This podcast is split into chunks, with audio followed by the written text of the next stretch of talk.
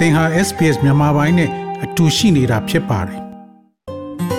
SBS မြန်မာပိုင်းကို အင်ကာနဲ့စနေနေ့ည10:00နာရီမှနားဆင်နိုင်တယ်လို့အွန်လိုင်းကနေလည်းအချိန်မီနားဆင်နိုင်ပါပြီ။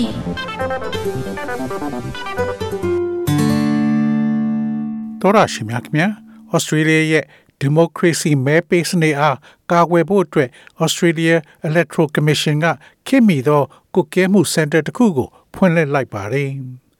COVID Cyber တိုက်ခိုက်မှုနဲ့မဟုတ်မှမှလောက်ကျန်လှုပ်ဆော်မှုများအားလုံးဟာ Australia သမိုင်းတွင် အရှုပ်ထွေးဆုံးနဲ့စိန်ခေါ်မှုအရှိဆုံးရွေးကောက်ပွဲဖြစ်လာရန်ဦးတည်နေပါတယ်။သို့သောဩစတြေးလျရွေးကောက်ပွဲကော်မရှင်သည်အနှောက်အယှက်တစုံတရာမှကာကွယ်ရန်ခင်မီသောရွေးကောက်ပွဲကုကဲမှုစင်တာကို ထူထောင်ထားပြီးအပြေးအဝပြင်ဆင်ထားကြောင်းပြောကြားခဲ့ပါတယ်။ပထမဆုံးအချိန်ဖြစ် ဩစတြေးလျရွေးကောက်ပွဲကော်မရှင်သည်၎င်းရဲ့ဝန်ထမ်းအဖွဲ့များသည့် COVID data နှင့် coronavirus ဖြစ်ပွားမှုအချိန်နဲ့တပြေးညီစောင့်ကြည့်စစ်ဆေးမိဓာတ်ရိုက်အချက်ချကြတဲ့နေရာတစ်ခုကိုဖန်တီးခဲ့ပါတယ်။ပြီးတော့သူတို့က Australia Postal Van တွေကိုခြေရာခံမှာဖြစ်လို့စားရိုက်မဲတွေကိုစည်ရင်မပြောက်အောင်လှုပ်ဆောင်ထားတာဖြစ်ပါတယ်။ AEC Command Center မှ Brian Fu က၎ င်းတို့သည် မတူညီသောအစိုးရဌာနများမှဓာတ်ရိုက် update ကိုလက်ခံရရှိနေကြောင်းပြောကြားခဲ့ပါတယ်။ This provides us a, a, live set of data feeds to show natural impacts into our into our events. And we also receive feeds on here on demonstrations and other events. ဖြစ်ရများအတွင်းတဘာဝသက်ရောက်မှုများကိုပြသရန် Home Affairs ဌာနမှသရုပ်ပြမှုများနဲ့တခြားဖြစ်ရများပေါ်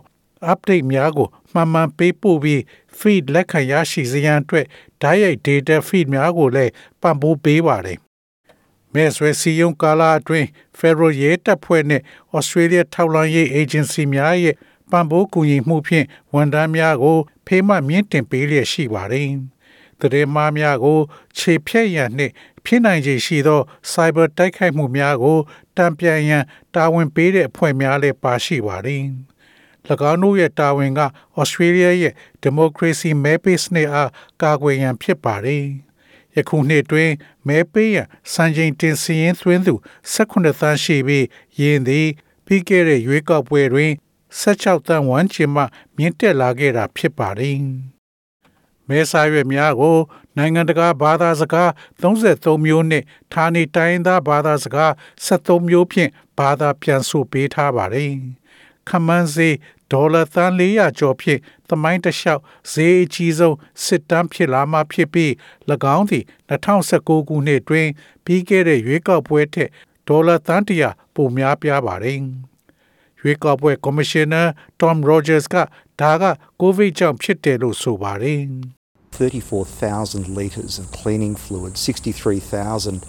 uh, litres of uh, hand sanitizer, um, We normally use 100,000 pencils. This time, 4.5 million pencils because of the requirement to sanitise. So တန်းစင်ဆေးရည်3400လီတာလက်ဆေးရည်6300လီတာပုံမှန်အားဖြင့်ကျွန်ုပ်တို့သည်ခဲရန်တသိန်းကိုအသုံးပြုပါတယ်ယခုနှစ်တွင်ခဲရန်၄.၅သန်းကိုအသုံးပြုရတာကဆေးကြောရလိုအပ်သောကြောင့်ဖြစ်ပါတယ်ဒါကြောင့်အရာရာတိုင်းဟာရိုးရှင်းမှုကနေဖြူဟာမြောက်ပြီးအနှဲငယ်ကွဲပြားသွားပါလိမ့်မယ် ကပ်ယောဂဆိုင်ရာ ပရိုတိုကောများသည်မဲရုပ်များတွင်စောင့်ဆိုင်ရမည့်အချိန်များကိုပုံမချရှည်စွာစောင့်ဆိုင်ရမည်ဟုအတိတ်ပဲရပြီးရွေးကောက်ပွဲကော်မရှင်က၎င်းရဲ့ပြည်တွင်သူသေသနာပြုချက်က Australian မဲဆန္ဒရှင်အများပြားကစောင့်ဆိုင်ရသည်ကို မုံတီးကြသည်ကို တွေ့ရှိခဲ့တယ်လို့ရွေးကောက်ပွဲကော်မရှင်ကပြောကြားပါတယ်။ Tom Rogers က၎င်းစားစာတိုက်သုံးမှုစောစီစွာ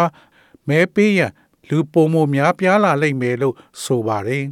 The more votes there are in envelopes, postal votes, if there are a larger number of close seats, we have to wait for 13 days after the election for postal votes to come back. ဆိုလိုဒီမှာစာတိုက်မဲများလေအနိကထိုင်ကုန်နေရအများပြားရှိပါကစာတိုက်မှမဲများပြန်လည်ရရှိပြီးရွေးကောက်ပွဲအပြီး73ရက်လောက်ဆောင်းရမှာဖြစ်ပါတယ် ရလပုံမရှင်းလင်းရန်အနှဲငယ်ပိုချမယ်လို့ဆိုလိုခြင်းဖြစ်နိုင်ပါတယ်။အောက်လွတ်တော်တွင် အမတ်နေရာ150တနေရာရှိပြီး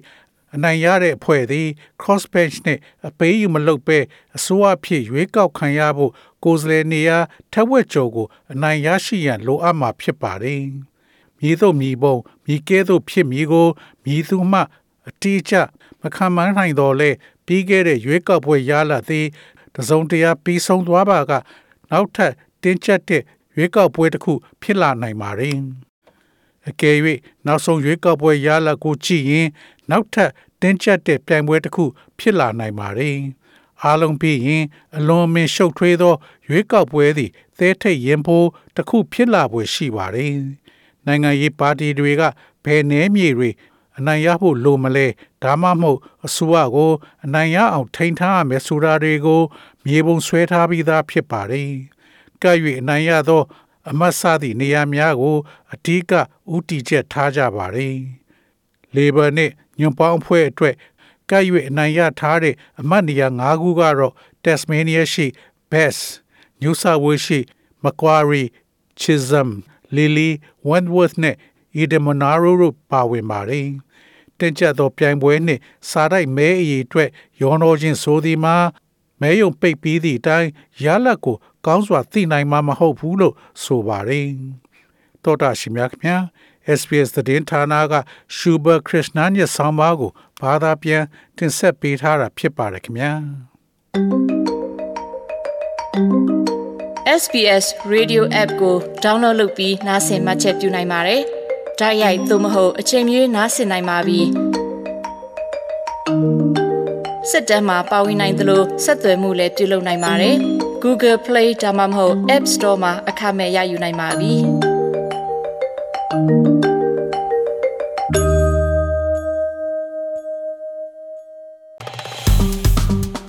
SBS မြန်မာပိုင်းကို Facebook ပေါ်မှာ like ရှာပြီး like မျှဝေမှတ်ချက်ပေးပါ